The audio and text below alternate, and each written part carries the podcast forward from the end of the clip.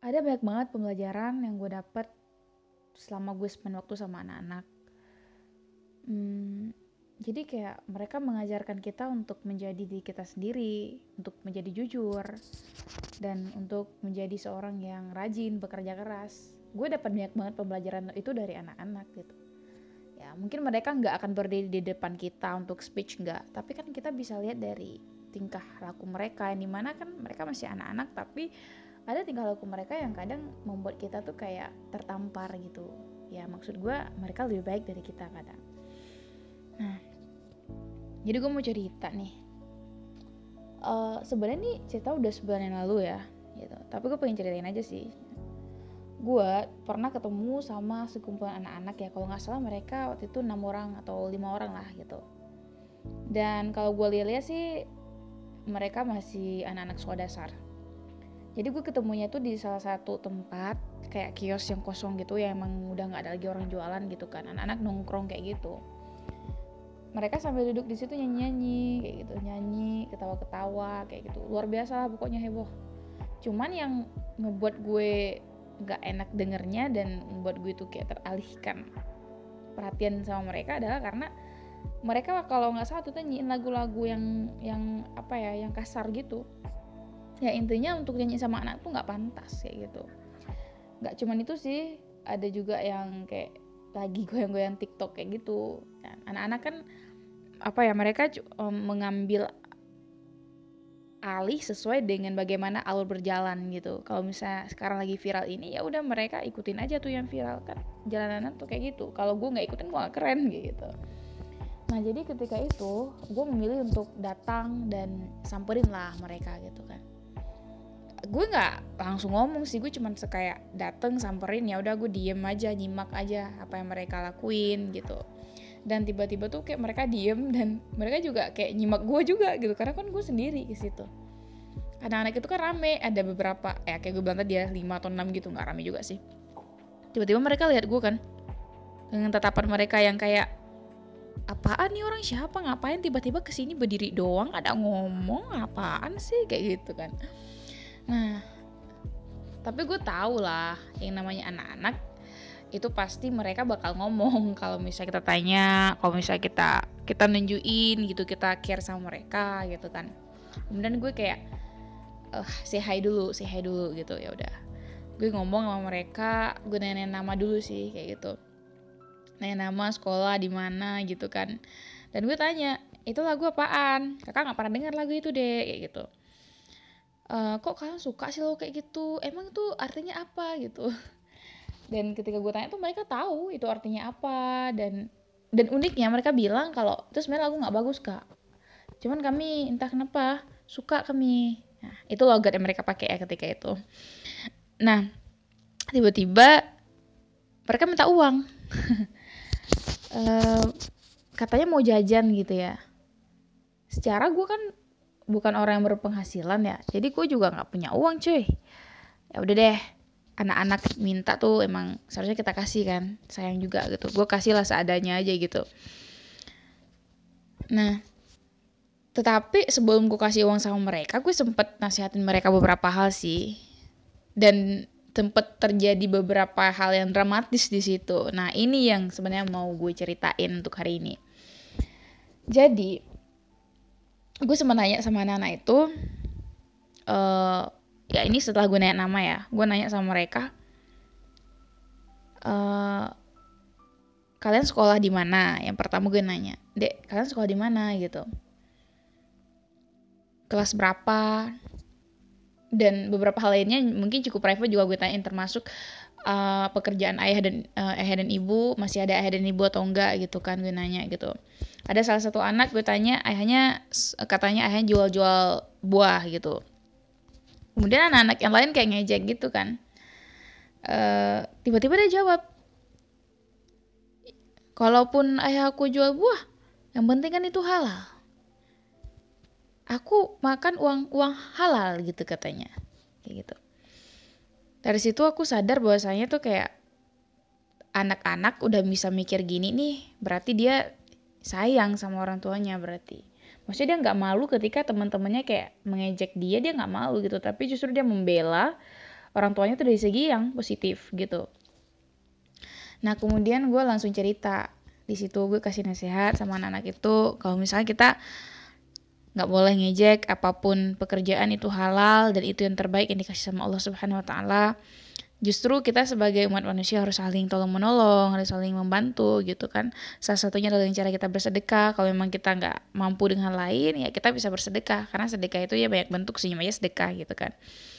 Ataupun kita memberikan uang sekecil apa pun ya kalau kita ikhlas kita beri untuk mereka itu namanya juga sedekah gitu dan tiba-tiba ketika gue nasihatin anak-anak ini mereka tuh kayak diem dan dan raut wajah mereka yang tadinya tuh kayak hebring-hebring gitu, tiba-tiba tuh betul-betul berubah. Betul-betul berubah hampir 180 derajat raut wajah mereka. Bisa dibilang itu tegang ya, tegang keadaan tegang ya gitu. Dan ketika itu gue nanya lagi anak selanjutnya. Nah, pas dia anak yang terakhir, dia nggak jawab apa-apa. Tiba-tiba dia nangis gitu. Waktu itu dia nangis, gue nggak langsung nanya gitu kan. Gue gue lebih ke kayak kok nangis? gitu. Gue lebih kayak mendekati anak-anak gitu gimana cara dia relax dan dia mau ngomong sama gue gitu. Tiba-tiba kawannya nyaut kak dia udah nggak punya lagi ayah gitu katanya. Dan di sini dia tinggal di rumah kontrakan sama kakaknya gitu. Jujur ya gue uh, shock banget ketika dengar itu karena sebenarnya dari semua anak-anak ini yang sebelumnya tadi tuh yang terlihat bahagia tuh dia, yang paling terlihat hebring tuh dia gitu. Tapi pas ternyata ketika gue udah singgungin masalah orang tua, dia tiba-tiba jadi diem dan kayak nggak bersemangat gitu.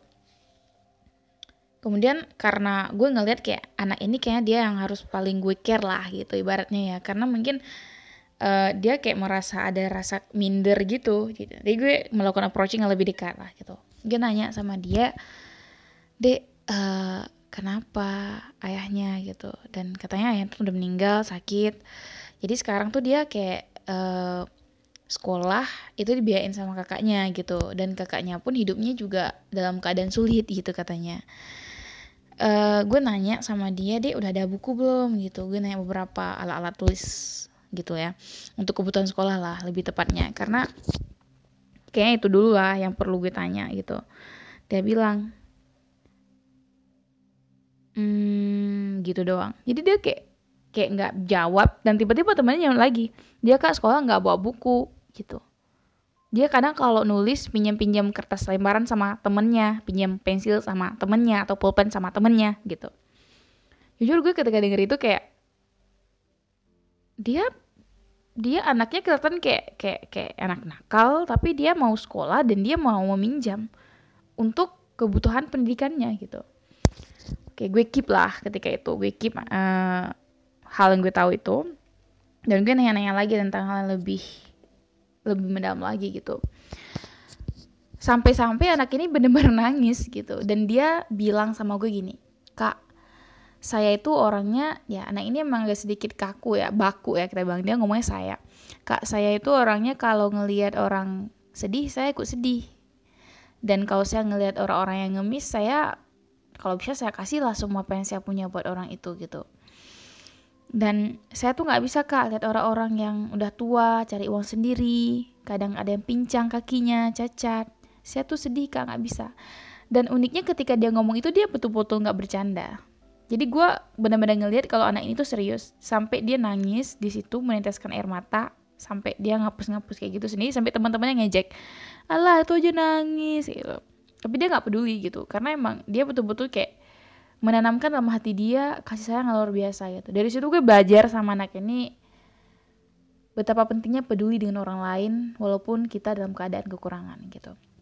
Jujur ya jujur kalau sana gue nggak nggak nggak datang ke mereka gue nggak interviewing mereka satu-satu mungkin gue bakal nganggap nih anak nakal bener nih nyanyi nggak jelas bahasa kasar hmm, kayak orang nggak berpendidikan ya emang jelas anak-anak kan gitu.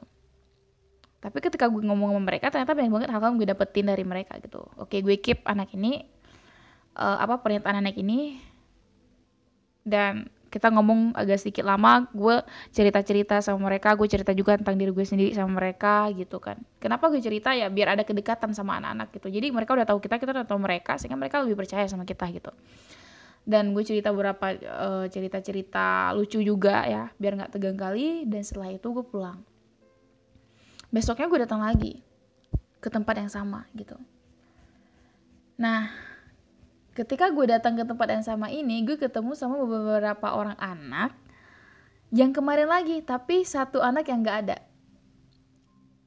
Anak yang ayahnya tadi udah meninggal itu. Kemudian gue tanya sama teman-temannya dek si ini di mana? Gitu. Dia udah pergi ngaji kak. Hah? Kalian kenapa nggak pergi? Kami malas kak gitu katanya. Oke. Jadi ketika itu gue nasihatin mereka sebentar ya dan alhamdulillah uh, ya. Mereka betul-betul dengar dan mereka akhirnya juga pergi ngaji gitu. Nah pada akhirnya gue di diantar. Sebenarnya gue nggak diantar sih gue ikutin mereka ke tempat ngajinya dan gue ketemu sama si adik itu. Si adik yang ayahnya udah meninggal tadi. Nah, di situ gue udah siapin beberapa peralatan alat tulis ya, kayak pulpen, roll, penghapus, semua-semua lah buku kayak gitu. Udah siapin itu dan uh, memang itu rencana buat gue kasih buat adik itu gitu. Tiba-tiba dia keluar, nah gue kasih lah itu. Pas gue kasih dia kayak dari jauh tuh kayak udah lari kayak gitu lari kakak gitu dia bilang ya gue nggak pernah expect ada anak cowok yang bisa se have apa namanya ya deket itu sama gue maksudnya itu kan anak-anak anak-anak yang laki-laki tapi dia kayak bersikapnya itu apa ya bersikap yang sangat menghargai orang gitu ya ibaratnya. Nah ketika itu gue gue langsung kayak seneng aja lihat dia gitu. Dan gue langsung kasih beberapa barang yang udah gue bawa. Dia nangis ketika itu dia nangis. Dan dia bilang ini beneran buat saya kak? gitu katanya. Iya dek beneran gitu. Nah dia sampai kebingungan gitu kan. Karena kemarin dia baru bilang dia butuh dan tiba-tiba ada dia kayak berterima kasih banyak dan kayak bilang alhamdulillah alhamdulillah gitu alhamdulillah gitu. Nah ketika itu gue tanya sama dia dek adik udah ada ikra gitu dan dia nggak jawab ada atau enggak tapi dia jawab jangan kak. Jangan bawa ikra. Kakak sayang itu habis uangnya kakak juga capek biar kami usahain biar ada sendiri gitu katanya. Dan itu luar biasa banget ya untuk anak-anak yang di mana dia bisa memahami orang lain tanpa dia mengikuti ego dia sendiri gitu. Dan itu hal yang sangat luar biasa yang gue tangkap dari anak itu. Kemudian gue sempat ngomong sama beberapa pengajar di situ dan mereka bilang ternyata anak ini memang untuk sekolahnya dia dibiayain sama orang lain tas yang dia pakai ini juga orang lain yang beli itu dan beberapa pakaian seragam atau uh, pakaian sekolah ketika memang ada pembayaran di sekolah orang lain yang biayain gitu. Dari situ gue sadar ternyata anak ini dia udah banyak banget belajar dari apa yang orang lain berikan untuk dia gitu. Sehingga dia dia sangat tahu bagaimana cara menghargai sesuatu karena dia tidak bisa mendapatkan itu itu dengan dia uh, apa dengan dia sendiri. Dia tidak mudah mendapatkan itu dari keluarganya. Jadi orang lain yang memberikan ke dia gitu.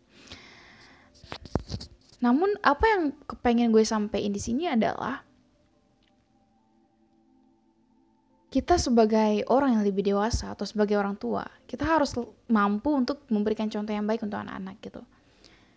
Jadi kita jangan langsung menganggap anak-anak ini nakal, tidak bisa mendengar, uh, tidak baik, itu sangat salah ya. Pagi enggak anak-anak itu bodoh, itu sangat salah. Jadi kita harus mampu memberikan contoh. Jadi dengan contoh itu mereka akan mencontohkan gitu. Analogi sederhana gini deh ada anak-anak yang hidup di kalangan orang yang berbicara dengan nada yang lembut dan dengan nada yang kasar. Tentu ketika mereka akan mengimplementasikan dalam kehidupan sehari-hari, anak-anak yang hidup dalam keluarga yang berbicara dengan lemah lembut ya mereka akan terbawa seperti itu. Mereka juga akan berbicara dengan orang-orang lain dengan lemah lembut gitu kan. Dan anak-anak yang memang terkontaminasi dengan keadaan dalam lingkungan yang selalu berbicara kasar, tidak memikirkan apa pun yang dia bicarakan ya kebawa ke mana-mana gitu kecuali kalau sudah terasa kalau sudah lama dengan lingkungan yang baru itu baru nah intinya dari anak itu tadi gue belajar banyak banget uh, cara bersyukur dan satu hal yang gue lihat adalah dia nggak mau menunjukkan betapa sedihnya dia gitu. Dia memiliki banyak sekali kekurangan tapi dia nggak mau menunjukkan hal itu gitu. Dan salah satu hal yang unik yang ingin gue bilang di sini adalah ketika gue kemarin kasih uang ke dia maksud gue kemarin itu adalah sehari sebelum gue bawa alat tulis itu ya dia bilang kayak gini kak ini uang yang kakak kasih semoga juga kembali ke kakak manfaatnya gitu kata dia dan uh, semoga kakak tambah rezeki dan tambah bahagia hidupnya. Dan uh, saya sendiri juga tidak akan menggunakan uang ini sepenuhnya, tapi akan sedikit saya sedekahkan sehingga pahalanya bisa mengalir untuk ayah saya dan untuk kakak juga. Itu katanya. Jadi luar biasa sekali. Dari situ intinya gue belajar banyak. Emang sih ini kayak sesuatu yang Allah sederhana banget biasa aja sih. Ya emang biasa tapi ini luar biasa karena nggak semua orang memiliki sifat atau karakter seperti anak itu yang umurnya masih sekitaran 12 tahun. Tapi dia udah punya hati yang luar biasa ya.